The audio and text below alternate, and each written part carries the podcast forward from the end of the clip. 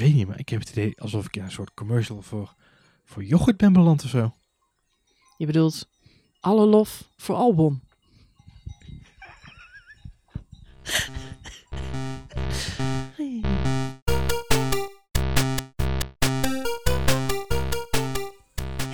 En leuk dat je luistert naar een nieuwe aflevering van F1 Spoiler Alert. Een podcast over Formule 1. En we zijn hartstikke blij dat we er weer zijn, want er was natuurlijk een hele tijd geen Formule 1. Maar uh, deze maand hadden we maar liefst twee Grand Prix van Oostenrijk in Nee, nee, één nee. week. Oostenrijk, Steiermark. Oh ja, je hebt gelijk. Styrian Grand Prix. En het was natuurlijk ook een compleet andere Grand Prix. Het was een heel ander gevoel. Daar gaan we het vandaag over hebben. Mijn naam is Marjolein en ik zit hier zoals altijd met Johan. Hallo. En we hebben gekeken naar de Grand Prix van Steiermark. Ja. Alzo. In alle opzichten een ander verhaal, toch? Eh, ja, eens. Ehm, ik, ik zag een plaatje voorbij komen op Twitter eh, vanochtend. En dat was eh, de covers van twee games die, die heel populair zijn op dit moment. En er stond erbij Australian, of, eh, Austrian Grand Prix. Dat was The Last of Us. En dat is zeg maar de, de, de Grand Prix van afgelopen zondag was The Last of Us Part 2. Dat is eigenlijk een beetje het, het duistere vervolg, zeg maar. Waar het vorige week allemaal vrolijk en happy de peppy en oh, wat was het spannend was. Was het een beetje anders Ander verhaal. Speciaal voor deze andere Grand Prix. Deze totaal andere Grand Prix. Ook ander sound effects op de achtergrond. Ik heb speciaal voor de je hebt Alpen- Oostenrijkse Ik heb- geluiden ik heb- uitgezocht. Ik heb, eh, ben even op Stocksite gaan zoeken naar, eh, Ja, naar, eh, naar, koebellen. Alp Sounds. Alp, Alp Sounds. Die Je, je nu weet het verhaal mooi. achtergrond. Gotta have more cowbell. Gotta have more cowbell. Dus. Voor de mensen die denken dat we het echt gedaan hebben. Nee, we Nee. zitten daadwerkelijk in de Alpen. Ja. En hier op de achtergrond loopt een kudde koeien. die gewoon ja, een soort Oostenrijkse sound effects maken, En toch? ze, en ze willen ook niet gaan tukken. We hebben ze willen wachten. niet gaan tukken. We zitten echt al keilang maar- te wachten dat we een keer kunnen gaan opnemen. Maar Ja. die koeien die blijven maar loeien. Of liever gezegd, ze blijven maar grazen. En, en koebellen. Ja. Ga slapen. Ja. Ga een stukje doen, joh. Ze liggen wel nu. Ja. Anyway, nee. goed. Goed. We moeten door. Tot Grand zover, Prix van tot zover Steiermark. bij Grand dierenmanieren. Steiermark. Hey, ehm, die eh, kwalificatie. Laten we daar eens even mee beginnen. Ja. Want eh, ik dacht dat het geen kwalificatie zou zijn. Toen was er ineens wel een kwalificatie. Toen was er, iedereen zat toch een beetje voor de televisie. Gaan ze nou wel, gaan ze nou niet? Ik Ja. moest ook heel erg lachen om onze appgroep. Want die zat ik soort van live maar in de gaten te houden. Want Ja. ik ga natuurlijk gewoon andere dingen doen. Zolang er niks begint. Was een soort live timing. Ja, en, eh, en ineens was het, waren de auto's op de baan. En toen gingen we toch racen. Ik We hadden complimenten daarvoor. Dat we toch gingen kwalificeren. Ik Ja, vond het heel stoer. Eh, ik had het eigenlijk een beetje afgeschreven. Met name omdat eh, de, de clubpessimist Ross eh, natuurlijk nog in de pers laten weten... Nou, gaan we niet vanuit dat we op zaterdag gaan kwalificeren hoor. En, en ook Toto Wolf nog zei van... joh, ik verwacht niet dat we echt aan de bak gaan komen vandaag of, of, of morgen. met kwalificatie. Dus ja, we, hadden natuurlijk allemaal een beetje de hoop van... Ja, laat dan maar die vrije training 2 eh, de, de norm zijn. Want daar had Max toch een mooie pol te pakken. Maar eh, nee, ineens was daar een, een window. Een window of opportunity. Ja, en eh, wat, mij, eh, wat ik altijd leuk vind bij, sowieso bij natuurlijk nat weer. De vorig jaar Hockenheim eh 883 keer herhaald gezien op Ziggo. Maar Hockenheim was natuurlijk een fantastische regenrace. En daarvoor hadden we Brazilië eh, 2016 ook een fantastische regenrace. Ehm, dus we zijn fan van regen. Ja. Eh, bij kwalificatie zorgt het er altijd, want het is natuurlijk momentopname. Ja. Maar wat het wel dan doet, is altijd even laten zien wie de eh, ja, wie de, de coureurs zijn die dat durven. Mhm. En eh, ja, wie er toch een beetje door de mand vallen. Op, De eh, regenmeesters, zeg jij. Ja, ja. ja. Ja, en ik, ik blijf het altijd wel prachtig vinden dat iedereen dan zegt... Max is heel erg goed in de regen. En dat- Mm. dat is ook zo, hè. Is Gewoon, ook zo. We hadden natuurlijk gewoon te maken met een typisch Nederlandse zomerdagje in Oostenrijk eigenlijk afgelopen Mhm. zaterdag. Dus eh, helemaal geen, eh, geen eh, veldje aan de lucht van Max Verstappen natuurlijk. Maar eh, eh, er zijn natuurlijk meerdere regenmeesters die dan komen bovendrijven. En eh, eh, ja, de, de, de ultieme meester, daar moeten we het zo even over hebben, was natuurlijk gewoon weer Lewis Hamilton. Maar ook bijvoorbeeld een Lando Norris, die gewoon eh, eh, best wel in de regen uit de voeten kan. Eh, uiteindelijk door, eh, door allerlei eh, eh, ongemakken niet de kwalificatie had die hij wilde hebben. Maar ja, onderaan de streep, het is wel fascinerend om te zien hoeveel mensen dan ineens in de regen zich toch ineens weer Ja, en profileren. Carlos Sainz, derde plek. Ja.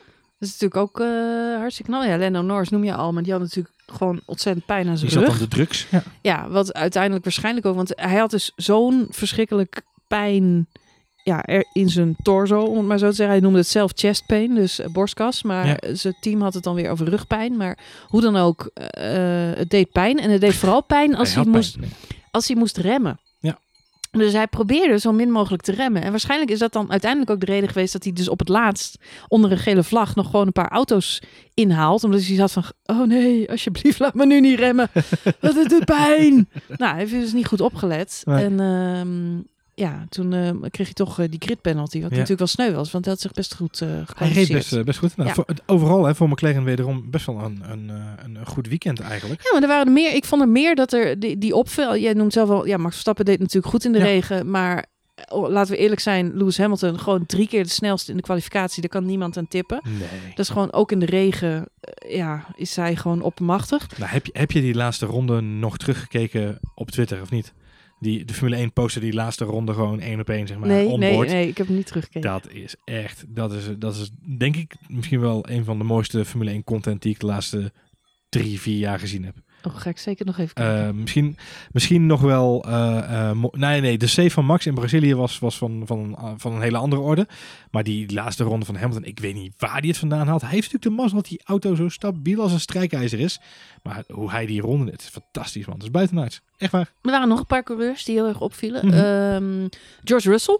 Yes, flex muscle. Ja, die gewoon twaalfde startplek, hè? Ja, goed gedaan. Hij stond eigenlijk dertiende, maar toen kreeg Charles Leclerc nog een gridstraf. Ja. Dus ging hij naar twaalfde plek. Klopt.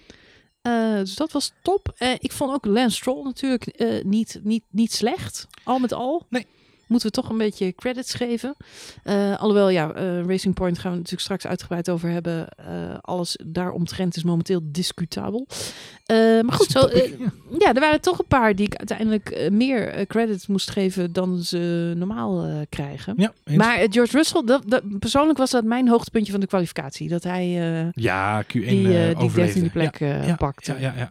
ja, en eigenlijk nog ook in Q2 best wel redelijk goed meeging. Eh, met, de, met, de, met de meute. Mhm. Ehm, maar uiteindelijk dan inderdaad geloof ik op, op of zevenduizendste of zo eh, eh, die, die- bijna nog twee, of één of twee plekken weten pakken. En volgens mij uiteindelijk maar een, een, een of twee honderdste van Vettel af eindigt.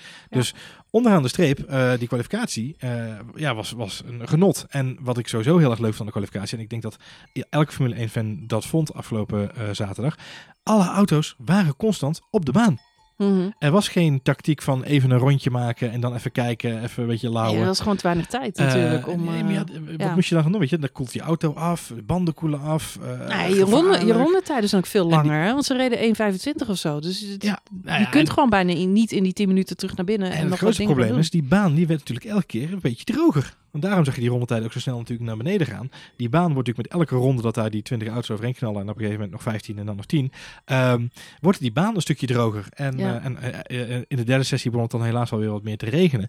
Maar daardoor gingen die rondetijden zo snel naar beneden. Ja, iedereen moest gewoon bij de pinken zijn continu.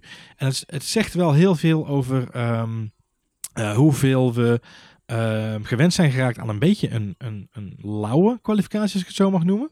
En als je dan nu ziet, als ze er gewoon verplicht moeten zijn allemaal, hè, ze moeten gewoon allemaal hun rondjes zo snel mogelijk maken, ja, dan heeft het toch een andere sfeer. Ik weet niet of jij dat ook zo ervaren hebt, hoor, maar ja, ik vond het echt een, een hele andere dynamiek hebben ineens. Ja, je bedoelt dat ze gewoon eh, door moeten. Ja, ze moeten gewoon daar ja. zijn. Weet je, je Ja. kunt niet verdedigen of je kunt niet zeggen, Nee, want, Eh, want de baan kan de ene ronde beter zijn dan... exact. eh, ja, als je, als je naar binnen gaat, dan ben je... de- ja, als, en de rest rijdt wel. Die kunnen dan allemaal hun ronde ja, neerzetten. dan ben jij de Sjaak. Checo Perez is een goed voorbeeld. Als we het dan hebben over eh, eh, hoe groot het verschil kan zijn tussen dag en nacht of regen en, en eh, eh, droog weer. Eh Perez was natuurlijk razendsnel op, eh, op vrijdag en op... eh, of in de trainingen op vrijdag. Eh, dus iedereen had zoiets van, nou ja, dat moet wel, eh, dat moet wel een, eh, een dijk van de kwalificatie worden. Dan is die regen is daar. Dan kun je zeggen, misschien is Perez geen goede regenrijder. Maar hij geeft zelf gewoon aan, ik krijg die banden niet goed opgewarmd. Eh, we hebben gewoon moeite met de afstelling. Dus we komen er niet goed doorheen. En we weten dan dat moment niet de juiste ronde tevoorschijn te toveren. Dat die auto supersnel is, zagen we op zondag. Dat die auto gewoon in staat is om met de top te, te, te, te strijden. Dat zagen we op, op zondag. Maar in die kwalificatie, omdat ze er dus niet op de juiste manier kunnen zijn. En dus niet scherp genoeg zijn. Ja, dan heb je gewoon een probleem. En dan ben je dus gewoon zeventiende in zijn geval. Dat is insane. Ja, nou goed. Het, eh, een spannende kwalificatie. Goed begin van het weekend. En daarmee ook eh, toch wel, vond ik, eh, meteen een ander raceweekend dan, eh, dan vorige week. Ja, ja eens. Ja. En eh, nou, we hebben natuurlijk nog voorbeschouwd op, eh, op deze tweede eh, Grand Prix. Ja. Vorige week uitgebreid gehad over eh, Ferrari. Ik denk dat we snel, ja, gewoon maar ehm, de koe bij de horens moeten Nou ja. vallen. Ja, dames. Vatten. Ja, ze gaan net liggen. Sorry, dames. Maar eh, de race eh, begint zondag. En we hebben het de he- hele week heeft iedereen het over Sebastian Vettel gehad. Het mooiste vond ik ook. Sebastian Vettel heeft zelf eh na afloop verklaard. ehm, ik had eigenlijk maar één doel. En dat was gewoon rustig mijn rondjes rijden. En niet te veel risico nemen. En dan dacht ik, arme, arme, arme Seb. Heeft hij zich eindelijk voorgenomen. Niet in dat gat te duiken. Weet je wel, dan maar een weekje geen Senna. Even, even dimmen. Weet je wel? Ja, En even wat krijg je dan? ophalen. Ja. Wat krijg je dan? Dan krijg je je eigen teamgenoot. Je puberbroertje. Ja, je puberbroertje, dat, dat rotjong. Met zijn posters op zijn kamer en zijn veel te harde muziek. En die moet, ja, die, die moet dan ineens tussendoor. Ja, En eh, ja, ik dat ben is gewoon shit. steeds. Ik, er is natuurlijk nog geen verdere uitleg geweest tot nu toe over de hele situatie. Volgens mij is deze het echt, het, dit is echt gewoon, er zijn twee puberkinderen in huis Maar- volgens mij. Maar de- iedereen is zagrijnig. Maar, maar ik ben wel heel benieuwd of, want Leclerc die geeft alleen maar aan dat het zijn fout is. En, en daarmee zegt hij alles wat hij moet zeggen, ook wat mij betreft. Alleen wat ik me echt afvraag is, wat heeft hij op dat moment gedacht? Want als ik die beelden, ik heb die beelden nog een aantal keer terug zitten kijken. Waar wilde hij heen met die auto? Wat was Ah, wat, ik, wat ik zo opvallend vond, en dat ehm, misschien komen we er straks nog op, hoor, maar ik noem het maar vast. Dat, eh, eh, kijk, la- eh, ik vond, wa- wat was jouw cijfer voor deze race? Laten we daarmee beginnen. Deze race krijgt van mij een, eh, een, een, een, een, een, een, een krappe acht. Echt waar? Ja. En de race van vorige week? Ehm, die krijgt van mij een krappe 9. Zo. Vond ik een van de leukste races van de laatste jaren. Ja. Maar dat komt ook omdat ik het heel erg gemist heb. Dus die race van vorige week is natuurlijk ook een heleboel eh, valse emotie misschien wel. Omdat je het gewoon gemist hebt. Oh. Ehm, Nou, ik vond deze race een 6. Mm. En die van vorige week, eh, nou, ik denk, een, ehm, Oeh, lastig. Eh, z- 7,8. Ik kan niet kiezen. 7,8. Ja, ik kan niet kiezen tussen 7,5 en een 8. Jezus, maar goed, Maar als lerares bent geworden, hoor ik al inderdaad. Ja, nee, maar als, ik, als, als je mij vraagt wat zijn de tofste Grand Prix van de afgelopen jaren, of überhaupt van vroeger, Ja, oké. ja. ja. dan eh, nou, sowieso Hockenheim misschien met de binnen, precies. Brazilië 2016, ja, Mm. Barcelona natuurlijk niet om de spanning, maar ja, misschien ook wel om de spanning, maar gewoon om de eh, Max Verstappen natuurlijk. Eh, er zijn zoveel, Jawel, dat ben ik wel Als je hem in Eh, dat licht be- bekijkt, dan ben ik wel ja, met je maar dan vind ik, weet je, dan heb je allerlei achters en negens en tienen. Nee, daar heb je gelijk in. En dan kun je die van vorige week niet ook een eh 9 geven. dan ben ik vrij genereus inderdaad. ja, je bent heel genereus. Ja, nee, Maar dat ben ik met je dat eens. mag, dat ik, gebruik een gebruik een iets andere context. Maar nee, ja, nee, niks. Ik ben het helemaal met je eens. Ik heb de Formule 1 ook gemist. Dus ik ben blij dat ze weer terug zijn. Maar eh, ik denk dat we zijn het er allebei over eens dat die van vorige week spannender was dan die van deze week. Ja, nou, ik weet niet of je spannender was, maar Behalve misschien. Ja, oh, je vindt het moeilijk. ik, het zo- ik weet niet of je spannender Ik was. vond de laatste, de laatste ronde was wel weer heel erg spannend, net zoals vorige week. Ja, maar vorige week was, was een spektakel. Omdat er een heleboel mensen uitvielen. En er gebeurde een heleboel. En er was een hele hoop onduidelijkheid. En iedereen was een beetje jippig. Want het was weer de eerste keer dat ze de wei in mochten met z'n allen. En zoals die dames hier op de achtergrond. ehm, die eh, met z'n allen lopen te bellen. Nee, het was, het was, vorige week was natuurlijk een hele, hele rare emotionele rollercoaster voor iedereen. En, en er gebeurde gewoon een heleboel maffe dingen. Eh, en, en de Mercedes die niet over mochten. En weet ik wat we allemaal meegemaakt hebben. Dus dat, dat gaf het allemaal extra swing. Maar de race afgelopen zondag was ook wel, wel spannend. En, en we moeten het zo nog even... We gaan het natuurlijk zo over de race hebben. Eh, maar er zitten echt wel een paar momenten in dat je denkt van... Oh, dit is interessant. Oh, wat is fascinerend. Ik heb wel een aantal keren toch even op het puntje van mijn stoel gezeten. Zo van, hmm, wat gaat hier Hmm, gebeuren? hmm. Misschien minder ehm, op, je, op de bank springend door het systeemplafond heen met je hoofd dan vorige week. Maar het was nog Mhm. steeds wel een, een spannende race. Ja, Ja. nee, ik snap. Ja, minder eventvol, dat ben ik met je eens. Nou ja, ik heb, ik heb er zeker wel van genoten. Dus ja, maar goed, misschien is een zes wat aan de lage kant. Maar de, ja, Gewoon, gewoon jij mag kritisch zijn. Het zal, het zal niet een Grand Prix zijn die me, die me over een jaar de, de- meteen te binnen schiet. Dus Nee. Steiermark Steiermark 2020. Nee, 2020. eens. Maar misschien komt het ook eh, door de uitslag. Eh, Mhm. En ook, eh, ja goed, we hebben het, Ferrari, om maar even dan te beginnen. Dat was natuurlijk een verschrikkelijke... ja, blamage. Ja, ik zoek eh, naar woorden voor eh, ik, heb, ik, heb een, fiasco. ik heb in een deuk gelegen, ik weet niet of jij het ook gezien hebt, om de Twitter-account van Ferrari afgelopen zondag. Oh god, die hebben nog getwitterd. De Twitter-account van Ferrari twitterde... We're ready to go. Lights out. Oh nee. Met een mooie dingen erbij. En de volgende tweet was... Both cars have retired. Dat was vier minuten later. Dat was echt, dat was de tweet. Dat Both cars have Both cars retired. have retired. Ja, ja, ja. ja. Weet je, alle andere, ik moest heel erg lachen tijdens de kwalificatie om eh, de teams van eh, BMW Williams en Mercedes die met BMW elkaar. Williams. Ja? Oh, sorry, Oh, geen BMW uit Williams meer. Jezus. Christus. Sorry hoor, soms zit ik echt af en toe een hele oude dingen in mijn hoofd. Welkom bij Retro Alert. Ja, Ja, jeetje, het is laat. We moesten zo lang op die koeien wachten. precies. Ehm, ja, nee, Williams en... Eh, ja. Sorry, Williams en Mercedes, Ja, die natuurlijk dezelfde motor hebben.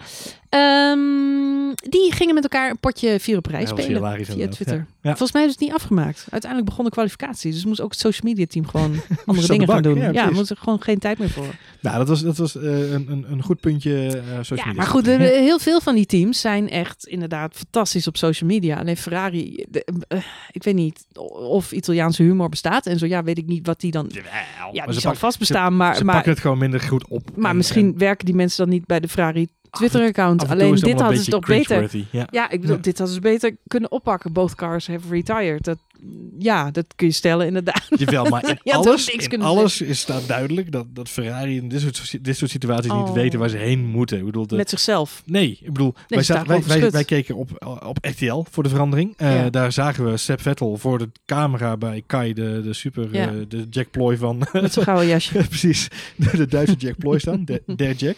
Ehm, daar stond hij bij die Kai, stond hij zijn verhaal af te steken in het Duits. En, en terwijl die wegliep bij, eh, bij eh, de camera van RTL, kwam, Seb, zo, kwam eh, Leclerc die, die, eh, Ja, die kwam die aanlopen in dat mediaruimte vierkantje. inlopen. Ja, En, en die, die kwam daar zijn excuses aan aanbieden. Ja. Je zag Vettel ook echt zo kijken, van, ga, ga weg. ja, ja. Wat doe op. je? Weet je, was even kort zo, oh sorry, ja, Entschuldigung en hup. En door weer.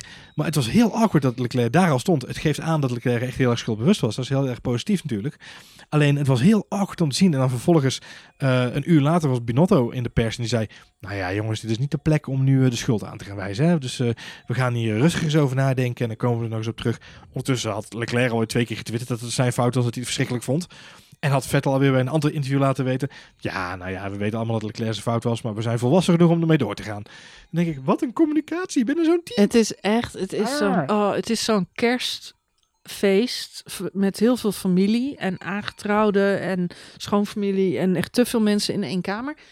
En het botert niet. En niemand spreekt het uit. En het is gewoon, iedereen irriteert zich dood. En niemand heeft een leuke avond.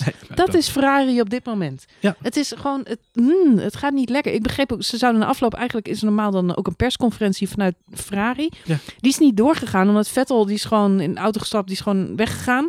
Ja. En Binotto, die wilde ook niet meer. Nee, ze hadden geen zin om te praten. Nee. Nee. Dus het, nou ja, het geeft in elk geval wel aan, want ik had nog heel even een aluhoedje theorie dat, eh, dat het gewoon opzet was. Oh ja? Ja, om nou Vettel ja, een omdat natuurlijk Ja. Ferrari op dit moment een belabberd slechte auto heeft. Ze zijn gewoon terug in het middenveld. Ja.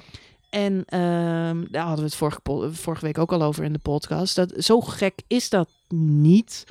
Want eh, eigenlijk is Ferrari nooit zo extreem succesvol geweest. Nee, op een paar stints na. Op een paar stints na. Ze hebben één keer met, met of tenminste in mijn eh, Formule 1 geschiedenis, en dan kijk ik toch echt al 25 jaar, hebben ze eh, met Schumacher eh, vijf keer wereldkampioen geweest. Kimi Räikkönen met een mazzeltje nog een keer. En buiten dat zijn zij nooit, zij zijn nooit wereld. Alle successen van Ferrari dateren uit de jaren 50 en 60, waarin ze mega succesvol waren, maar Ja. ook zo'n beetje het enige 70, snelle ja, team. precies, ja. Ehm, en ja, goed, daarna is het toch ja, altijd een beetje, zeker in de jaren 90 was het gewoon een middenmotor. Ja.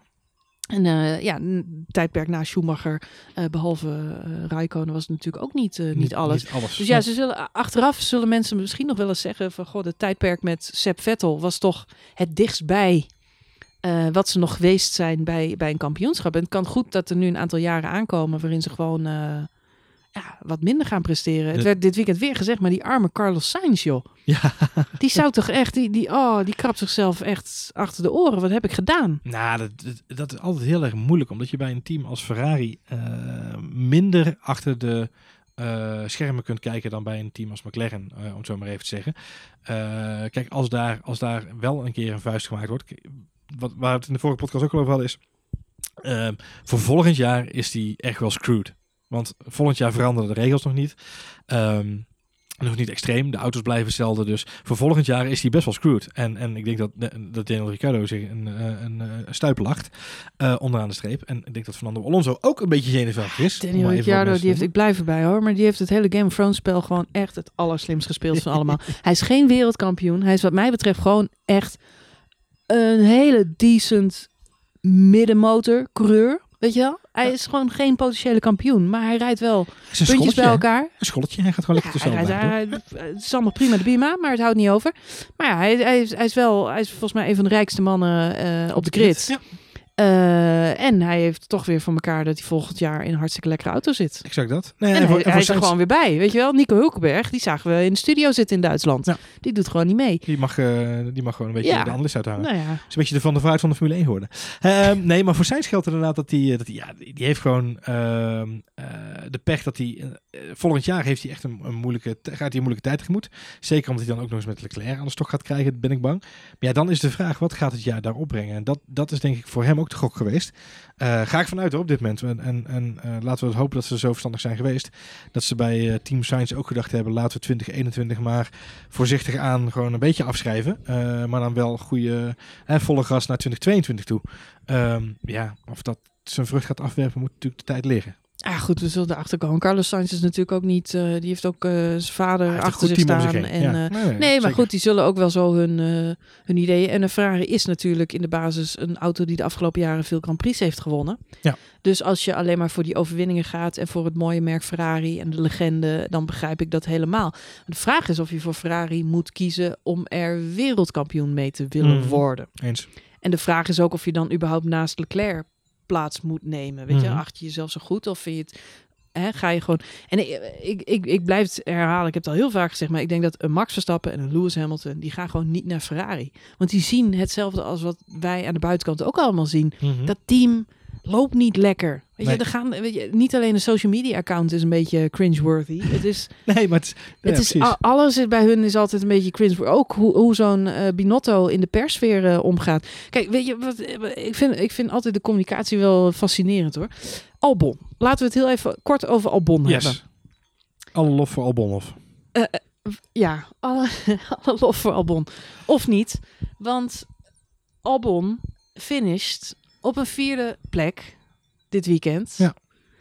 Eh, feitelijk op 34 seconden achter Max Verstappen. Waren het niet dat Max twee rondjes voor het einde nog even naar binnen duikt voor een extra pitstop Ja, om te proberen om een snelle ronde te halen. Dat lukt niet omdat hij in eh, verkeer zit en uiteindelijk blijft steken achter Kimi Räikkönen en dan komt hij niet voorbij. Ja, klopt. En eh, dus die snelle ronde die kan hij op zijn buik schrijven. Daarnaast natuurlijk het Racing Point verhaal die ineens rondes eruit eh, persen. Waarvan eh Christine Horner vandaag in de pers gezegd heeft, eh, daar moeten we ons allemaal zorgen over maken. Die Ja. auto's waren gewoon verdomd snel. Die snelheid die zat gewoon niet in de Red Bull. Dus de vraag Nee. is of Max het überhaupt gered had. Ook als hij geen verkeer had gehad. Maar goed, Albon. 34 seconden achter Max Verstappen. Ja. En wat doet diezelfde Christian Horner in de media? Die zegt gewoon tegen alles en iedereen dat eh, Albon een fantastische wedstrijd heeft gereden. en het feit dat hij de Racing Points achter zich heeft weten te houden, is gewoon verbluffend knap. Ja. Want inderdaad, die auto's waren ontzettend snel. Eh, ik heb die rondetijden weer een beetje in de gaten zitten. Nou, Het was insane. Het hele veld reed 1,8 gemiddeld. Ja. En af en toe, als ze nieuwe banden hadden, of 1,7. als ze waren lekker warm, zaten ze in de 1,7. Perez die zet een 1,05 neer. Ja. Als snelste ronde. Ja. Dat is bijna een kwalificatierondje. Kwalificatie was 1,03. Ja. En ja, dat is aan het eind van de race. En ja, de benzine is dan op en eh, auto's zijn licht en al die dingen. Maar nog steeds een 1,05 in een Racing Point auto. Dat is bizar. Ja. Maar goed, eh Christine Horner die zegt over eh, Albon, ja, knap dat hij ze achter zich heeft gehouden. Ja, En dan denk ik, die heeft toch geleerd van de situatie met Gasly vorig jaar. Dus dit is gewoon management. Dit is gewoon zorgen dat het zelfvertrouwen bij die arme, arme Albonneke niet stuk gaat. ge- toch? ja dat denk het ik. is toch, het is toch gezichtsverlies. Het is Albon die zal, die zal, die zou zeggen, ja, oké, fijn, ja, fijn dat iedereen tevreden is. Maar die komt er thuis en denkt hij 34 seconden op Max Verstappen. Dat is niet het ergste, maar 34 seconden op, Max- op een teamgenoot. 42 seconden op de nummer 1. Dat is gewoon, dat geeft aan en dat is voor Red Bull een hele Het doet gewoon niet mee. Nou ja, los van Albon dat ook voor Red Bull een hele pijnlijke om te zien. Dat is het gat wat er tussen die auto's zit. Als daar een gewone coureur, coureur in zit, in een Red Bull auto, dan is dat gat dus gewoon 44 seconden naar Mercedes. Op, op, op hun eigen thuis Grand Prix. Op een kort baantje. Dat is bijna, dat is bijna een volledige ronde. Hè? Maar de vraag is, we hebben het hier... Maar het, het- het- ja. sorry, nee, maar Ja. eh, of Albon inderdaad. Eh, wat ik in, in onze voorbeschouwing ook al zei, is ik heb heel erg het gevoel dat daar een soort tweespalt speelt. En dat jij zegt inderdaad, Horner heeft daar geleerd van hè, managementlessen. Hij en- moet, hem, hij moet hem niet kraken. Want dan, nee, maar ik denk dus niet dat hij dat wil. Ik denk namelijk dat Horner vertrouwen heeft in Albon. Ik denk dat Horner vertrouwen heeft in Albon, omdat Albon eigenlijk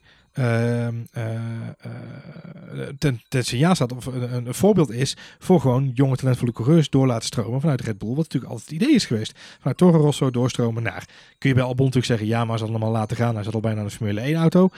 Bla. Maar goed, um, ik denk dat Horner echt zoiets heeft van, ik, ik heb voor Albon gekozen. Ik wil niet nog een keer. Ik, ik heb vertrouwen in de chemie tussen Albon en Max. Terwijl aan de andere kant Helmut Marko en Dieter Mateschitz, de baas van Red Bull, heel erg zitten te pushen over Vettel. Uh, en ook Helmut Marko heeft in, hè, terwijl Horner bij F1 TV afgelopen weekend gewoon knetterhard zegt, uh, Vettel is voor ons geen optie, uh, wordt hij wel weer gewoon gezien met Helmut Marko koffie drinkend, lekker babbelend en, en paraderend over het circuit. Um, terwijl als Horner twee weken of drie weken geleden voor de start van de Formule 1 zegt, ja weet je, Vettel is voor ons geen optie, want we hebben gewoon een goed team en we gaan hier investeren. Prompt zit Sebastian Vettel ineens op Servus TV in een Red Bull programma op uitnodiging van Red Bull. Dus jij zegt het is politiek? Het is ook gewoon, uh, Horner wil ook niet Vettel terug. Ik denk dat Horner Vettel niet per, niet per se terug wil. Omdat mm. Horner heel erg goed mm. weet dat de chemie Vettel-Verstappen, of Verstappen-Vettel, natuurlijk mm. willen we kijken, mm. dat hij dodelijk is voor zijn team. Mm. En ja, en nu kun je zeggen, nu hinken ze op één been. -hmm. Maar het laatste wat je wil is dat de twee benen elkaar onderuit beginnen te schoffelen. Ja, dat zie je bij Ferrari wel. En dat zie je bij Ferrari gebeuren. alles wat ze willen. Alles behalve je, wat Dat ze zag je bij Mercedes uh, toen Rosberg daar zat met Hamilton. En, en Rosberg begon met mediteren. Toen ging het helemaal mis. Um, uh, ja, weet je, dat was gewoon het jaar dat Rosberg zich niet onder druk liet zetten door Hamilton. En was prompt als een ruzie in de tent. Uh, en dan heb je een team als Mercedes, wat uh, volgens mij qua management en qua beheersen van een team het voorbeeld is voor alle andere Formule 1 teams. Hoeveel ze daar de rust in de tent kunnen bewaren. Zelfs daar hadden ze moeite om die twee campanen uit elkaar te halen. Eens. Nou, moet je je voorstellen Eens. dat het bij Red Bull gaat gebeuren. Dus nee, ik denk dat het ook. Jij zegt inderdaad politiek. En, of uh, sorry, jij zegt inderdaad management. En ik denk dat dat zeer zeker meetelt. Ik denk dat ze absoluut geleerd maar er hebben. Is, er is, er is, jij zegt er is in Red Bull een kamp Vettel en een kamp ik Vettel nee. Ik heb dat gevoel heel sterk inderdaad. Nee, ja. En ik denk dat Horner aan de kant van Verstappen, team Verstappen staat. En, en, en daarmee ook aan de kant van Albon. Ik denk dat Max ook niet zit te wachten op Vettel.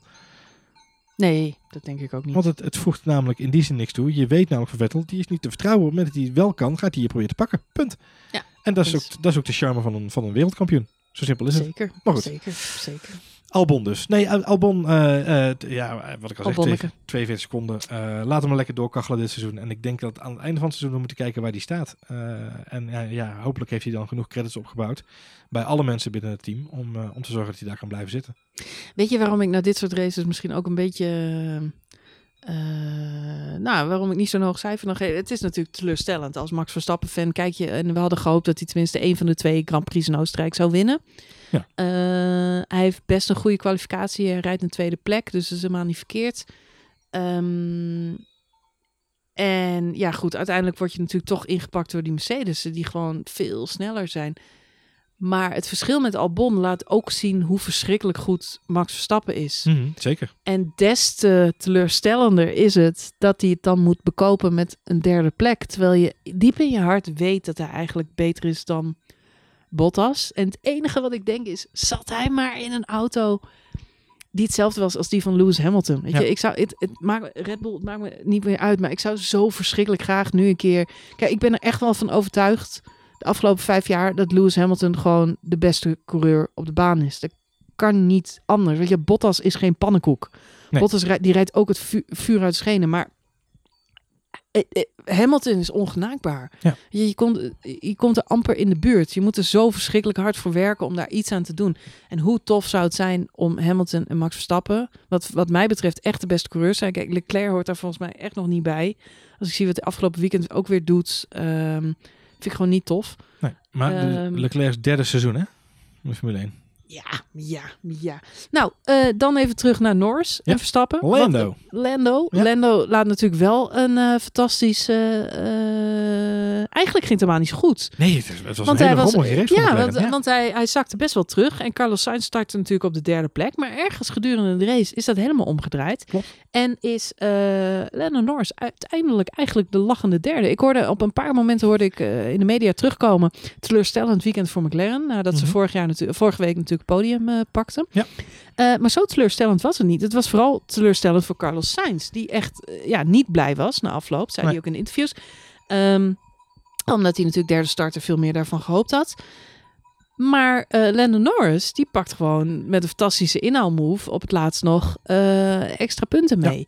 En uh, waar het me heel erg aan deed denken, en dat, bij Max had ik dat hetzelfde. Max had natuurlijk de situatie met Bottas, die, um, die hem in kwam halen. Ja. Kijk, Max zei na afloop in interviews ook, ik wist gewoon, Bottas sneller. Ik ga dat nooit achter me houden. even nog over die pitstop-strategie. Wij zaten te kijken Ja. naar de race en Ja, wij zagen Max als een van de eerste naar binnen duiken. Duidelijk voor de undercut. Lewis Hamilton ging een rondje later. Ja. Eh, dus die hadden banden die ongeveer gelijk waren. En Bottas die bleef maar buiten. Die bleef maar buiten, bleef maar buiten. En ik zat in die rondetijd te kijken te denken, ik snap er niks van. Want, Nee. Max die loopt gewoon dik uit op Bottas, weet je wel. Dus Ja. gewoon geen, geen spanning meer. Ze offeren En, Bottas. Ze offeren Bottas. ja. En ik dacht echt, wat zijn ze nou aan het doen, joh? Dat dat... eh, zouden ze dat doen omdat ze Bottas uit de buurt van Hamilton willen hebben? Dat, hè, dat Hamilton kampioen moet worden en dat Bottas daar niet in de buurt moet zitten. En geef maar wat meer marge. Nou, aan- het eind van de race begreep ik het. Want Bottas' banden die waren gewoon veel, veel nieuwer. Super goed doorgerekend. En dat was natuurlijk vorig jaar uiteindelijk met Max Verstappen ook het verhaal. En de reden dat hij Charles Leclerc toe kon inhalen, was het feit dat hij veel betere bandjes had op het laatst. Dus je weet dat dat op Oostenrijk, of eigenlijk op alle circuits, belangrijk is. En voor Bottas gold dat, eh gold dat ook. Want die kon gewoon makkelijk dat gat, eh, wat aanvankelijk geloof ik 10 seconden was. Maar je zag het echt met een, met, met een seconde per ronde Ja. eh, smelten. Je, je hoorde het ook al na de pitstop van Max. Hè? Want Max die, ging naar buiten, reed de pitstraat uit, reed volgens mij twee of drie rondjes. En zag toen dat Hamilton ehm, eh, op, een, op eenzelfde soort strategie zat. En toen zei hij ook van ja, wat zijn we aan het doen met de banden? Want waar slaat het op? En toen zeiden ze van het team ook al, ja, we, zijn alleen maar bezig om te beschermen tegen de undercut van Bottas. En niet zozeer tegen Hamilton. Dus bij Red Bull hadden ze al vrij snel door natuurlijk dat, het- dat Lewis Hamilton geen, eh, geen optie was. Ja, ze zijn gewoon bij Red Bull uiteindelijk verslagen op waar ze zelf vaak op winnen. En dat is pitstop-strategie.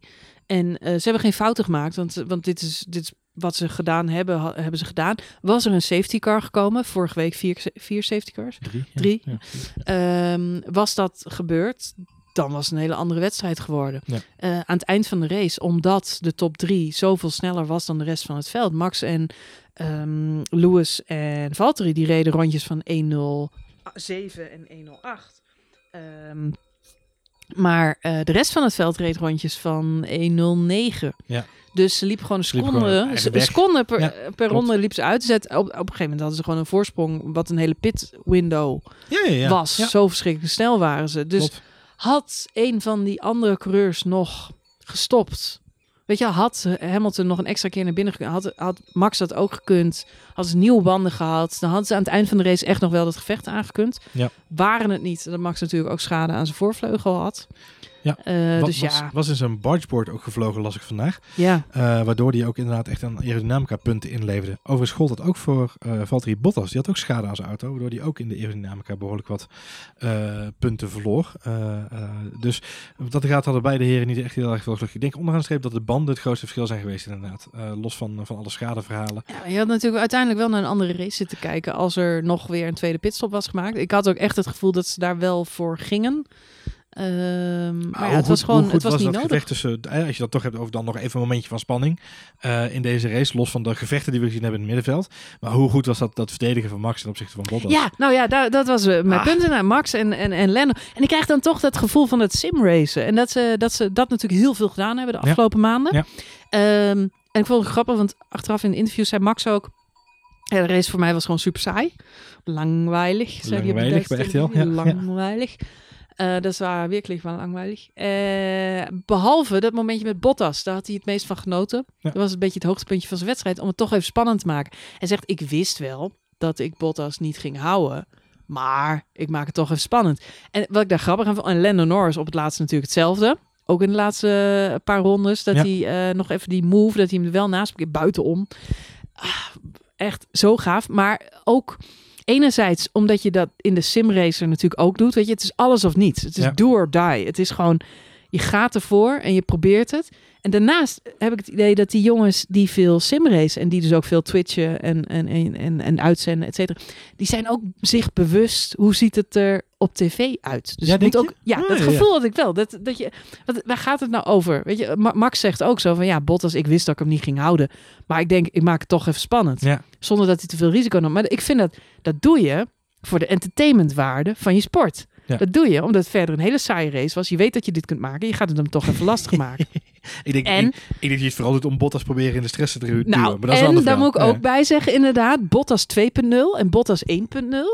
Die waren er niet Die voorbij waren- gekomen. nee, maar er- er is waren ook bij... En dan credits waar credits due. Maar Bottas is toch ook weer een ander mens dit jaar. Ja. En eh, ik weet niet of hij dat alleen na de winterstop is. Want dat, dat is dan toch sneu. Want heeft hij nu zijn hoogtepuntje weer gehad. Ja. En dan moet hij weer eigenlijk eh, 200 dagen eh, niet Formule 1 racen. Om zich weer op te laden. en weer die Bottas 3.0 mentaliteit hebben. Maar Weer nee, 200 dagen in de sauna, ja. Ja, precies. Bottas 4.0. Dat is een soort, een 4.0. soort Dragon Ball Z aflevering. Nou, laten we hopen dat hij die power die hij nodig heeft om, om, om zo goed te zijn. En ja, ik, ik zie hem nog eh, op, op Monza achter Max Verstappen hangen. Waar die echt Max nog, nog aantikt. En Max uiteindelijk een penalty krijgt. Eh, ja, omdat het dan allemaal niet ver verloopt. Maar Bottas was nooit een held bij het inhalen van Max Verstappen. Dat was Nee. toch, eh, had- hij had daar moeite mee. En nu eh, pakt hij dat gewoon slimmer aan. Hij heeft natuurlijk ook de betere auto, betere zeggen, hij bandjes. wist natuurlijk ook waar hij zat. Zo moeilijk was het niet. en ik denk dat Maar hij doet het wel, hij doet het wel. We hebben Bottas zo vaak klem zien zitten achter auto's, ja. achter auto's omdat hij het niet durfde. Maar ik denk En wel dat er bij Bottas zie je Mercedes dit seizoen extreem niet. veel gedebriefd wordt op Max Verstappen inhalen en Max Verstappen achter je houden. hoor. Moet dat wel. Ik denk wel dat, dat, ik denk dat het enige, een van de weinige dingen is, een van de weinige specifieke denk, coureurs is eh, waar ze, en de Leclerc misschien ja. ook wel. Eh, maar het zijn eh, twee weinige coureurs waar ze echt specifiek op letten. Ehm, Hamilton heeft natuurlijk vorig jaar met Leclerc een paar keer aan de stok gehad. Eh, on- onder andere ook op eh, Monza en op Silverstone. Ja, eens. Eh, dus ik denk dat het echt wel de coureurs zijn waar ze bij Mercedes extra aandacht aan besteden. En zeggen, jongens, let op, eh, zo, zo, zo, eh, et cetera. Ja, Ehm, eens. Ik denk eh, dat de inhaalmove op eh, Max Verstappen onderaan de streep eh, ja, eh, equivalent was aan eh, de persdame die op het eh, return eh, knopje heeft gedrukt om eh, bekend te maken dat Bottas gaat verlengen bij ja, Mercedes. precies. Dat was gewoon, dat was de grote question mark. Ja. En op het moment dat hij Max had ingehaald, zei Toto, oké, send it. Ja, precies. Did I send it? Send it. You send it. You send it. Ehm, ja, ja, dat is natuurlijk het nieuws van, eh, van wat eh, en, en na de Grand Prix natuurlijk volgt. Dat Bottas nu nog, eh, nog eens verlengd wordt. Ehm, en ik denk dat dat ook terecht is. Is Ehm, dat eh, shit voor heel veel andere mensen? Wat betekent in elk geval dat George Russell eh, niet eh, nee, maar gaat George, promoveren? George Russell, moet gewoon kijk, George Russell, heeft ook, zitten, fat die zit. George Russell heeft ook afgelopen weekend weer laten zien dat hij nog best wel veel te leren heeft voordat Ja. hij in een Mercedes kan gaan zitten. Ehm, en datzelfde gold voor Ocon. Er is een reden omdat Ocon onder de vleugel van Toto Wolff vandaan is geduwd. Eh, omdat hij ook gewoon nog te veel moet leren om zomaar ineens in zo'n Mercedes te. Laten we wel wezen, dit is de, de, de absolute uh, fine fleur van de, van de sport. Dus daar moet je niet eh, zomaar even iemand inzetten. Ehm, dus ik denk dat dat een hele logische keuze is. En ook met een jaar verlengen geeft in ieder geval ook weer aan dat, eh, dat is tenminste het gerucht, hè, weer voor een jaar, geeft aan dat, dat ze nog steeds een vizier open houden voor, voor 2022, als ook de, de, regelgevingen weer allemaal veranderen, et cetera. Wat ik opvallender vind, uh, want ik, weet je, ik, ik denk dat het niemand anders geschikt was voor die stoel. Want even om antwoord te geven op jouw vraag. Uh, er is niemand anders geschikt om naast Hamilton te gaan zitten. Uh, wat ik nee, je zou gek zijn als je Bottas laat gaan. En wat ik opvallender vind, is dat, uh, of niet zozeer opvallend, maar wat, wat een opvallende beweging is, is dat uh, Bottas nu getekend zou zijn. Mm -hmm. dus, het is mm -hmm. nog steeds een gerucht, maar ik ga ervan het uit is bijna dat het, rond. Ze zijn, uh, de formalities zijn afgesproken. Precies. Er moet alleen nog een handtekening moet alleen even, Het servetje is gemaakt. Er moet alleen nog even een krabbeltje onder het servetje. Yeah. Daarna moet het in, omgezet worden in een contract. Um, het opvallender is, is dat in, de, in de byline van zo'n van zo'n gerucht hoor je dan... Het geeft Mercedes nu alle vrijheid om de onderhandelingen verder af te ronden met Lewis Hamilton. Mm -hmm. En wat ik me realiseerde, wat ik, wat ik me echt bedacht, is... Het zou mij niet verbazen als Lewis Hamilton heeft gezegd... Uh, we gaan praten over een nieuw contract als jullie Bottas vastgelegd hebben. Oeh. Omdat Lewis Hamilton zoiets heeft. Zeker ja, wil weten. Ik weet dat ik Bottas 4.0 volgend jaar naast me heb. Maar Bottas 4.0 kan ik nog steeds gewoon hebben. Oh, wow. Want Bottas moet nog wel zes keer groeien, wil ik hem te pakken hebben. Mm -hmm. Ik wil geen onzekerheid hebben over de mogelijkheid dat er inderdaad een jonkie naast me komt zitten. Die me niet als wingman kan ondersteunen. Mm -hmm. Of dat ze inderdaad een Seb Vettel of een Max Verstappen ernaast zetten. Laatst gaat het niet gebeuren. Maar een Seb Vettel ernaast zetten. Ja, die nooit. de boel op stelte komt zetten. Ja. Dus ik denk dat Hamilton best wel een soort van troefkaart heeft gespeeld. Zo van ja, luister, ik wil best wel nog voor een jaartje of twee jaartjes verlengen. Maar dan wil ik wel zeker weten dat Bottasje erbij is. Beetje hetzelfde zoals Rijkoon eigenlijk nog een, nog een jaar bij je vraag toen op een gegeven moment is verlengd. Omdat, omdat Vettel dat ook gewoon heel graag wilde. Ja. Um, datzelfde zou ik mij hier niet verbazen dat het hier ook het geval is. Ja, ik had uh, dit weekend nog een interessante hersenspinseltje. Ik denk, ik deel, deel hem toch even. Moet ik mijn alihoedje opzetten? Of? Nee, nou, nou, nee, het is gewoon een theorietje. Maar um, ja, die ken ik. Lando Norris, ja. zou dat niet wat zijn voor Red Bull? ja, maar die zit zo bij de McLaren-familie. Ja, Familie, familie. Ja, Sainz zat ook bij de McLaren-familie, maar die was daar zat ook daarvoor ook bij de. Red Bull-familie. Ja, dat is waar. Ja, Ja. die is daar ook ineens. Loyaliteit is Maar, een, uh, ehm, understatement in de Formule 1. Ja. Als namelijk ehm Lando Norris naar Red Bull gaat en Albon nog een jaartje terug naar Toro Rosso om gewoon nog een beetje bij te leren, eh, betekent dat dat er bij McLaren een plekje vrij zou komen voor ene Sebastian Vettel, Ja. die dan toch ook in een Mercedes rijdt. Ja. En in een betere auto dan een Ferrari. ja, maar de vraag is wel een beetje of een Lando Norris überhaupt zou naar Red Bull zou willen gaan als hij weet dat hij de komende jaren in een Mercedes rijdt. Eh, ja, nee, Want hij het, heeft ja, dit moment, eens. maar ja, ik, eh, aan de andere, ja, Ik, ik ben benieuwd hoe lang het gaat duren voordat we gaan zien dat McLaren stevast eh Albon verschalkt. Nou, waar, eh, Eh, los van Force India, hè, want sorry, ja, Racing eens, Point. eens. Racing Point is, is een, zit op een vinkentouw. Daarvan moeten we nog even afwachten wat natuurlijk gaat gebeuren de komende dagen. Maar McLaren laat gewoon al twee weken achter elkaar zien dat ze een hele stabiele auto hebben. En als ze daar nog wat gaatjes weten te vinden, Ja, het is geen Red Bull. Het is geen Red Bull. Max rijdt gewoon podia. Makkelijk. Ja, Max rijdt podia. Ja. Maar Albon rijdt nog steeds geen podia. Nee, ja, maar Lando die, ziet, die schat zichzelf waarschijnlijk hoger in dan Albon. Weet Eh, ik niet. Nee, weet ik niet. Kijk, eh, eh, ja, nee, dat zou kunnen. Eh, eh, Dat is dat- mijn eh, idee. maar het, het, zou mij, het zou mij niet verbazen als eh, Norris nog dit jaar Albon een aantal keren gaat verslaan. In directe gevechten. Hmm. En, en dan is voor hem de vraag, dan moet je jezelf afvragen, wat is voor hem de reden om naar Red Bull te gaan? Als hij in een auto zit waarmee hij de Red Bulls kan hebben in principe. Kijk, eh, wat ik afgelopen weekend al te- eh, zei toen we de race aan het en, en de, de kwalificatie gekeken hadden, is ehm, je hebt ehm, Mercedes, Lewis Hamilton, Valtteri Bottas, je hebt Max Verstappen en dan heb je eh, Red Bull met Alexander Albon. Mhm. En, en meer, eh, want Max Verstappen is een andere entiteit in deze sport. En dat is niet omdat ik een oranje bril op heb, maar we hebben dit weekend gezien wat het, wat het betekent als iemand als Max Verstappen in een auto zit, versus een, elke andere coureur in zo'n auto. Dus wij zien natuurlijk eh, Albon daar gewoon keurig vierde worden en zeggen, ja, ja, wel een grote achterstand. Maar die data zegt nog veel meer. Max Verstappen heeft veel meer uit dat sinaasappeltje weten te persen dan elke andere coureur zou kunnen. Dus dat is natuurlijk een heel fascinerende eh, eh, situatie. Dus elke andere coureur die op de grid staat, die kijkt naar Max Verstappen en zegt, ja, hij krijgt het wel voor elkaar. Maar dat betekent niet dat ik het voor elkaar krijg. Ricciardo kreeg het ook op een gegeven moment niet meer voor elkaar. En, en, en had er moeite mee. Dus weet je, eh, Gasly hetzelfde, voor, verhaal. En nu Albon. Dus ik weet niet of het voor Norris, nogmaals, bij, bij McLaren heeft hij een competitieve auto. Dus ja, voor hetzelfde geld we- weten ze bij McLaren nog net die paar tienden te vinden. Waardoor ze gewoon met Red Bull de strijd aan kunnen gaan. En dan niet met Max Verstappen, maar met Red Bull. Hmm. Het is mijn idee. Dit was overigens geen fanboy-theorie. Maar het, Hmm. Het is mijn maar het, idee. zou, maar het zou wel een leuke theorie zijn, Marjolein. Ik wou het zeggen, het is toch een leuke thema. Want onderaan de streep krijg je dan eigenlijk dat Vettel zijn stoel heeft gewisseld met Sainz. Je zit Sainz gewoon in de vertiefde eh, Ferrari. En Vettel alsnog in de McLaren. Wat ik eigenlijk al die tijd al gehoopt had. Maar dan komt ineens die snitch van een Ricciardo weer tussendoor. Die gewoon dat... Ik weet niet wie zijn manager is tegenwoordig. Maar die was er echt gewoon als de kippen bij om dat te sealen. En dat was gewoon Ja. slim. Ik, ja, en ik denk dat dat gesprek al heel lang gaande was. Dus dat, Ja. eh, dat is waarschijnlijk al voordat Ja, hij Seb getekend Vettel, had. die kwam echt gewoon... Die komt, ja, ik blijf maar metaforen bedenken, maar die komt gewoon binnen op dit feestje. En iedereen heeft al verkering. Weet je die loopt daar gewoon rond. En iedereen die deed al met elkaar. En Wil die er nog iemand slowen? potdomme, er is gewoon helemaal niemand meer over. Gewoon letterlijk niemand. Ik kan met niemand meer slowen. Arm jochie. Ach, gassie toch. Arm, arm jochie. Ach, gassie, gassie. Goed, er is nog één eh, roze olifant in de kamer. Ja. En dat is de wielklauwen, remschijven toestanden van eh, Racing de, Point. De brake duct. Ja. ja.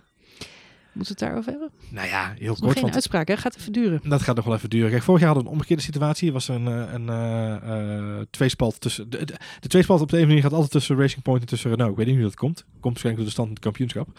Eh, het verhaal is dat... dat eh, ehm, eh, de- vorig jaar heeft het bijna tien dagen geduurd voordat er een uitslag was van dit hele onderzoek. Ik denk dat het nu zelfs nog wat langer gaat duren, want het is geen halfwerk waar ze naar moeten kijken. Ehm, het verhaal wat vandaag naar buiten gekomen is, is dat Racing Point, sorry, Renault had al vorige week een eh, ehm, eh, officieel Protest. willen indienen, maar heeft dat niet gedaan vanwege de geest van, hè, we zijn weer voor het eerst met z'n allen bij elkaar en uh, kumbaya. Zie je het Abit al doen? Jezus. Ja, dat is gewoon bullshit. van- vandaag niet jongens, vandaag. Vorige week waren ze gewoon nog niet snel genoeg eh, voor hun gevoel. En nu dachten ze, het kan echt Nu, niet meer. nu zit Ricciardo er net achter en en wat ik ook heb begrepen, dat is dat het hele Racing Point verhaal... eh, de- alle teams zijn zich al maanden de kop aan het breken. Is het toegestaan dat een team op basis van foto's gewoon de Mercedes van 2019 heeft nagebouwd. Ja. Mag dat überhaupt? Ja. Want ze, hebben, ze geven het zelf gewoon toe. Ze hebben het gedaan. Die auto is gewoon. En, en ze hebben niet eens de blueprints, hè? Want dat, dat mag niet. Je mag niet een ander team de bouwtekening geven van je auto. Dan, eh, sinds het hele Spygate-verhaal met eh, Fernando Alonso eh, destijds allemaal eh, eh, niet meer toegestaan. Nee, klopt. Maar ehm, ze hebben gewoon foto's gepakt. Ze hebben gewoon foto's van het internet en eh die ze zelf konden- Shutterstock geopend. geen die Maar ze hebben gewoon dat ding nagebouwd. Daar, daar lachen we veel eh, vaak om. Ehm, maar de teams hebben daar daadwerkelijk natuurlijk wel bezwaren tegen. En ik moet zeggen, als fan heb ik er ook de afgelopen twee races toch al een paar keer me achter de oren gekrapt dat die auto's zo snel zijn. Ja. Dat ik ook denk van ja, waarom zouden al die andere teams volgend jaar niet gewoon de Mercedes van 2020 nabouwen met z'n allen? En dan hebben we allemaal dezelfde autootjes. En dan zijn, we, dan zijn ze allemaal supersnel. Behalve dat dan Mercedes weer de auto van 2021 heeft. En zijn Ja, dus Mercedes blijft altijd een tandje voorlopen op de rest. Dus Ja. of het echt slim is, dat weet ik niet. Maar als je ziet hoe dicht Racing Point nu... En wat ik al zei, Christian Horner heeft ook zijn zorgen geuit. Omdat hij ook die rondetijden heeft gezien. En zich ook heeft afgevraagd van hoe de hel... eh, kan het zo zijn dat die auto ineens zo verdomd snel is? En, en wat doen we daaraan? En nu heeft Renault dus gezegd van... Hè, we, we, we gaan niet dat hele verhaal in twijfel trekken... maar we zoomen in op één specifiek onderdeel. En dat Ja. zijn die brake ducts, waar Ja. ze dus nu een protest tegen in hebben gediend. Dus ik weet niet of dat protest vorige week al klaar was. Of ze daar al genoeg foto's of bewijzen van hadden. Kan ook best zijn dat het gewoon niet in de spirit van het weekend was. Maar gewoon Ze zeggen- ze zeggen zelf dat- ze zeggen zelf dat nog niet klaar in had. Barcelona al klaar hadden. Dat ze het in Australië oké. al wilden indienen. Oh. Maar dat ze er ja, altijd op hebben moeten wachten. hè. Coronacrisis, Ah. alles bij elkaar. Dus. Abiteboel heeft al die tijd thuis Ah. gezeten met zijn envelopje. Oh. En nu, Maar eh, nu, ligt, nu ligt het er. En ze hebben wel een heel specifiek onderdeel eh, uitgekozen waarvan de gelijkenis natuurlijk groot is. We hebben allemaal de plaatjes op het internet gezien. Er staan gewoon twee foto's naast elkaar die bijna identiek zijn. Ja. En nu mogen de, ja, de, de VIA die mag gaan uitmaken wat het verhaal is. En eh, dit wordt heel belangrijk, want als de uitspraak is dit mag, daarmee zeggen ze indirect dat iedereen onderdelen mag namaken op basis van foto's van Ja. andere teams. Ik zou het heel erg vinden als dat niet zou mogen. Om heel En te zijn. Maar, Als het niet zou mogen. ja. Ja, maar dat mag niet. Waarom Je bent, niet? omdat je de, de Formule 1 Wie ben jij dat regels. bepalen? Ben jij Ja, nee, helemaal niet. Maar er is een, eh, er is een, een boekwerk van Nita Tokyo waarin staat waar een auto aan moet voldoen. Jawel. En een van die regels is dat je x aantal onderdelen Zelf aan zo'n auto ja. zelf moet ontwerpen, Ja. ontwikkelen. En je mag ze niet namaken omdat je toevallig foto's van een ander hebt gezien of gejat en, en, dat, en dat gaat reproduceren. Nee, dat is dat niet fair. Nee. Dus je moet zelf je R&D hebben gedaan. En ook dat zal misschien bewijsmateriaal wat ze nu zijn, wat ze nu misschien moeten gaan Ja, overleggen. zou toch wat zijn, joh. Dat ze dan uit de archieven van, Ja, van de ja, Racing nee, Point, we hebben hier eh, studies fabriek. naar gedaan. Ja, nee. hier dit is zijn al onze dit- PDF'jes die we Ja, gemaakt precies. hebben. Dit is ons... eh, De- Denk jij nu dat er in de fabriek van Racing Point een stagiair heel hard aan het werk wordt gezet om... ja, precies. Om met eh, backwards om engineeren. backwards engineering pdf'jes aan te ja, maken? precies. Ben gedateerd van twee jaar Zet ze geleden. even op deze datum. Zet ze even op deze Ja, datum. precies. Hele e-mailwisselingen. stagiaires bij. Oh, man. Nou Nou ja, goed. Maar ja, het, het wordt dus een belangrijke uitspraak. Want als het is toegestaan, ja, dan, dan krijg je dus meer copycats. Daar, Ja. daar ga je niet aan ontkomen. En dat maakt het ook voor de Red Bulls van deze wereld een stuk lastiger. Want ehm, Red Bull, denk ik, zal niet zo snel Mercedes na gaan bouwen. Want ze weten dat ze niet dezelfde motor hebben. Dus dat heeft geen zin. Want dan ben je nog de Ja. tweede eh, rijder. Exact. Maar de andere teams, die gaan wel met z'n allen Mercedes nabouwen. En die komen dus nu Dichterbij. ja, best wel dicht bij de Red Bulls. Wat Ja. dus zorgwekkend is. En dan heb je nog het andere uiterste. Dat is dat het, eh, nou, dat het inderdaad illegaal is. En dat Racing Point dus gewoon met illegale auto's rijdt. En wat dan? Je- Krijgen we dan eh, een Ferrari-situatie waarbij alles in de doofpot wordt gestopt? Wat natuurlijk ook nog steeds een heel Nee, vreemd verhaal is. natuurlijk al eerder meegemaakt dat Racing Point, volgens mij was het ook Racing Point die hetzelfde probleem hadden, dat er ook een, aan de auto illegaal, of was het Renault, waarbij dingen illegaal werden bevonden aan ja, de auto. klopt. Eh, dan moeten ze gewoon een punt inleveren. En dan staan ze weer op nul. Eh, en dan beginnen ze weer van gaan uithuilen en opnieuw beginnen. Ja, dat Eh, gebeurt bij alle teams, behalve bij Ferrari. Maar laten we wel vooropstellen, even, eh, dan, even dan, dan toch een andere eh, pink elephant eh, aanwijzen in deze kamer. Afgelopen weekend heb ik meerdere malen tegen jou gezegd, die Stroll was ook geen halve. Die kan er ook wel wat van. Oké, Stroll die reed best wel een goed weekend. Ja, die, eh, zeker. In die gekopieerde. Mercedes. zullen we anders even de punten erbij pakken? Goed idee. Dat, eh, dat, gewoon even doen? ja, Eh, met, want jij hebt dat lijstje. Dus ik Ja, ik- ik- ik doe gewoon even zo. Kijk, dan heb jij het lijstje ook. Oh, ik heb het lijstje ook. En ik heb hier gewoon nog een lijstje. Laten we beginnen met de winnaar van de race, Lewis Hamilton. Heb jij gegeven Hamilton. een ja, dikke tien. Dikke 10. Ja, ik zat daar ook over te twijfelen en na te denken. En ik heb ehm, begin van deze podcast bedacht dat ik toch voor een 9 ga. En waarom ga je voor een 9, Marjolein? Want hij was dit weekend dominant. Hij Dat is een hoofdletter D. zeker dominant. Ehm, en eh, alle lof voor, Voor Hamilton. maar ehm, laten we wel wezen, hij heeft ook weinig weerstand gehad. Ja. En dat is misschien eh, de reden voor het eh, minpuntje. Dat, het is een fantastisch, eh, terwijl er nu ook vuurwerk wordt afgestoken in de Alpen. Dus de special effects worden steeds mooier. Jammer dat de podcast niet visueel is. maar Ja, ik moet uitleggen dit. het is echt een soort... Jij begint over de 9 van Lewis Hamilton en ze beginnen hier spontaan vuurwerk af te Ja. steken. Ze zijn het Ja. kennelijk wat je eens hier. Ja. Nee, ja, Lewis Hamilton was natuurlijk fantastisch. Maar ja, het kan altijd moeilijker. Ja. We hebben natuurlijk geen mooie gevechten gezien. Ook niet tussen hem en tussen Bottas. Nee. Eh, de Ferraris doen niet meer mee. Dus daar hoeven we ook geen gevechten tussen te verwachten. Maar ook eh, met Max. Ik kan me herinneren dat hij ook eh, af en toe wel leuk met Max aan de stok krijgt. En Ja. dat maakt het als kijker toch... Maar jij neemt hem eigenlijk kwalijk dat hij zo goed is dat hij geen concurrentie had. Daar, ja, eigenlijk wel. Dat is een minpuntje. Check. Ja, ja, Valtteri Bottas. Valtteri Bottas heb ik een 8 gegeven. Oh wauw, ik geef hem een, een grote 9. Zo, Ja, ik vond echt Bottas echt gewoon weer heel erg sterk. En weet je, na vorig maar hij heeft niet gewonnen. Nee, maar dat was een beetje, dat is het enige minpuntje op zijn, eh enige Oh, op zijn tweede week. Ben je genereus deze Nou, week? Eh, Ja, maar voor Valtteri wel. Ik bedoel, kom op nou. Nee, ehm, Het is niet, joh. Je weet dat wij heel weinig luisteraars hebben die fan zijn van Valtteri Bottas, ja, hè? dus iemand, moet het, iemand moet het eh zwart Voor hem opnemen. Ja, precies. We verliezen luisteraars, Johan. Nou, zonde. Ja. Door naar de volgende, Vettel. Het, Vettel, nou, die heeft niet echt Ja, wat, wat kun je daarvan zeggen? Vettel krijgt van mij een 6. En, en dat is alleen al omdat hij gewoon... hij was er. Hij was er. En hij heeft zijn ja, naambord geschreven op het precies. Ja, ik heb ook een 6. Oh, voor grappig. er zijn. Charles. ze, ze voornemen om geen brokken te maken. Z- Zijn, Daar klasgeno krijgt hij een 6 zijn voor. klasgenootje Charles. Ja, die krijgt een 3 van Ben je mij. genereus? Genereus, een Ja, 3. ben- Ja, ben je genereus? Ik heb hem een 2 gegeven. Ja, je had eerst daar een 5 staan. Nee, je hebt dit vijf. veranderd. Nee, ja, je hebt dit veranderd. Nee hoor. Ja, daar stond een 5. Oh, nou. Je denkt, ik ga nog lager Ja, ik ben zitten. nog. Ik ben boos op Leclerc. Oké. Max Verstappen. Max Verstappen, 8. Bij mij een 9. Heeft gewoon alles nou wat hij kon. Heeft het sinaasappeltje helemaal uitgeperst. Hij heeft een goede race gereden, maar Zat het was wel meer langweilig. Het was langweilig. Langweilig. Maar hij laat op de juiste momenten wel zien hoe goed hij kan zijn in een goede auto. Eh, alle lof voor Albon. Max Albe, Alexander Albon. Heb, Albon. Ik een, eh, heb ik een zeventje gegeven. Een 7 Ja. op 34 seconden achterstand. ja, maar ja, het is niet anders. 6. Ja, nou, eens. Nou, kan ik me ook Hij wel was even- Hij was er. Hij heeft zijn naam goed geschreven op het formulier. Sainz Carlos Sainz. Eh, heb ik een 7 gegeven. voor zijn kwalificatie. Hij had een goede kwalificatie, goed weekend. En hij had gewoon echt een. Maar hij had ook, pech met zijn, eh, met zijn pitstop, die gewoon eh, eh, langer duurde dan gepland. En daardoor kwam hij ook Zes. terecht. Oké, Zes. Oké. Lando Zes. Norris. Je moet het afmaken als je op die derde startplek begint. Nou, over afmaken gesproken. Lando Norris. Norris, dikke 8. Ja, eens. 8. Eens. Acht. Toprace, lekker gereden. Eh, voor mensen Vaker die... in beeld. Voor mensen die... eh, ja, nee, hij wordt, nu wordt het de nieuwe Carlos Sainz. Nou, dat moet vaker in beeld. Ehm, Ik geniet van die jongen. met- Zo leuk. En zijn onboard zijn fantastisch. Met- Ja. Precies, mensen die, die Instagram eh, gebruiken of veel op Instagram zitten, check even de Instagram live account van Formule 1. Eh, of de Instagram TV account sorry, van Formule 1, want zij hebben de laatste twee rondes van eh, Lando. Onboard hebben ze die nu op Instagram TV staan. Het is fascinerend. Hij Met, klinkt hetzelfde als ik als ik heel hard juich. met de boordradio erbij inderdaad. Ja, n- ja. Gillende keukenmeid. Gillende keukenmeid. Even over gillende keukenmeid gesproken, Ricciardo? Ricciardo 6. Ja, ik heb hem een zeventje gegeven. 7. Ik Ja. heb hem niet gezien. En hij- de ene keer dat ik hem zag, werd hij ingehaald. Nou, hij heeft, Hij, eh, reed, hij deed wel lekker mee. hij heeft, eh, Hij wel wel lekker mee. Hij heeft een paar, paar pittige gevechtjes gehad. Voornamelijk ook met die, eh, met die Racing Points heeft hij het aan de stok gehad.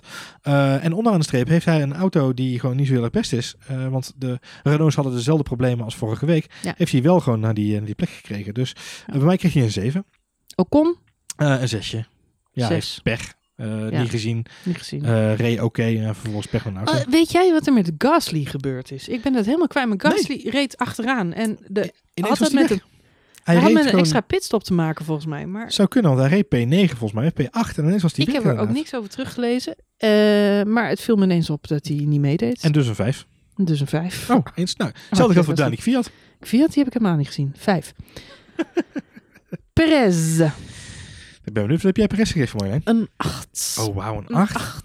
Oh, maar uiteindelijk wordt hij natuurlijk wel ingehaald. Ik wil dus- zeggen, Perez kreeg van mij een 9. Acht. Oh, wat goed. Ja. Maar hij rijdt er geen podium. Nee, maar zo goed weekend en zo'n Oh, goede nee. race. Van plek 17 naar plek 5. Dat kan ik ook als ik de race ducts van Mercedes van 2019 kopieer. Brake ducts. Goed, Stroll. Stroll. Ja, ja, ja Stroll. Ja, achtje. Acht? Ja. Ja, ik ook. Boven zichzelf uitgestegen. Nou, we verliezen nog steeds meer luisteraars volgens mij. Kimi, Kimi ja. Kimi. Een zesje bij mij. Zes. Ja, Kimi Räikkönen kan toch veel beter dan dit Marjolein. Kimi Räikkönen rijdt rond alsof het zomer, zomeravond karten is. Ja, Ja, nou, nou, nee, dat is niet waar. Kimi Räikkönen reed stijf achteraan op zeker moment. Eh, en heeft zich vanaf daar toch weer langs een aantal Hazen gereden. terwijl een aantal? Williamson. hij heeft de in Gereden. gehaald. Houd erop. En ik geef hem een 7. Ja, Hij was bezig met een Kimi gewoon aardige leuk vindt. Ja. inhaalrace. Dus eh Giovinazzi. Giovinazzi. Eh, heb ik een, eh, een zesje gegeven? Jij ook, zie ik. Een zesje. Een zesje. Een zesje. Ja, weet je, solid. Ja, het- hij, was er. bij. Hij was erbij. En dat was prima. Maar Räikkönen was weer beter. Ja, dat is wel een dingetje. Voor Giovinazzi geldt wel dat hij dit jaar moet gaan vlammen. hoor, Anders heeft hij echt een probleem. Volgens mij had hij maar één doel dit seizoen. En was beter zijn dan Kimi Räikkönen. Dat lukt nogthans niet. Nee, nee, dat is waar. Dus er gaat iets mis. Grosjean en Magnussen. Vijf, vijf. Je hebt altijd een vijf gegeven. Ik vind het grappig, ook in de vorige podcast noemden wij Grosjean en Magnussen in Unity. Dus dat was een soort van eenheidsworst. Dus ik krijg dezelfde cijfer. Voor mij joh, krijg ik een zesje. En dat heeft te Oh. maken met het feit dat ze de race hebben uitgereden. Voor Grosjean is dat eh, voor het eerste lange Zelfs tijd de. Williamsen vallen mij meer op tijdens de race. Zit ik meer op te letten Ja.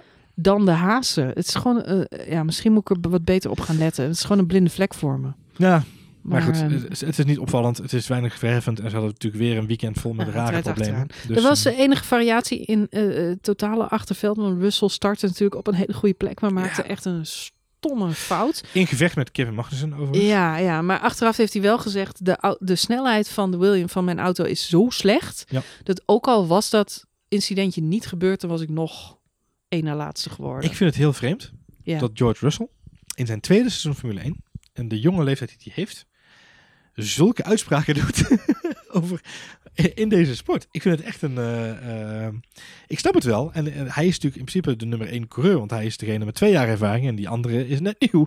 Maar het is heel vreemd om iemand die zo jong in de sport is, eh, zo te horen praten over de. Ja, misschien is dat, is dat ook zijn karakter en is dat juist iets wat voor hem spreekt. Maar ik vond het heel opvallend dat hij zo'n harde uitspraak nu al durft te doen in de pers.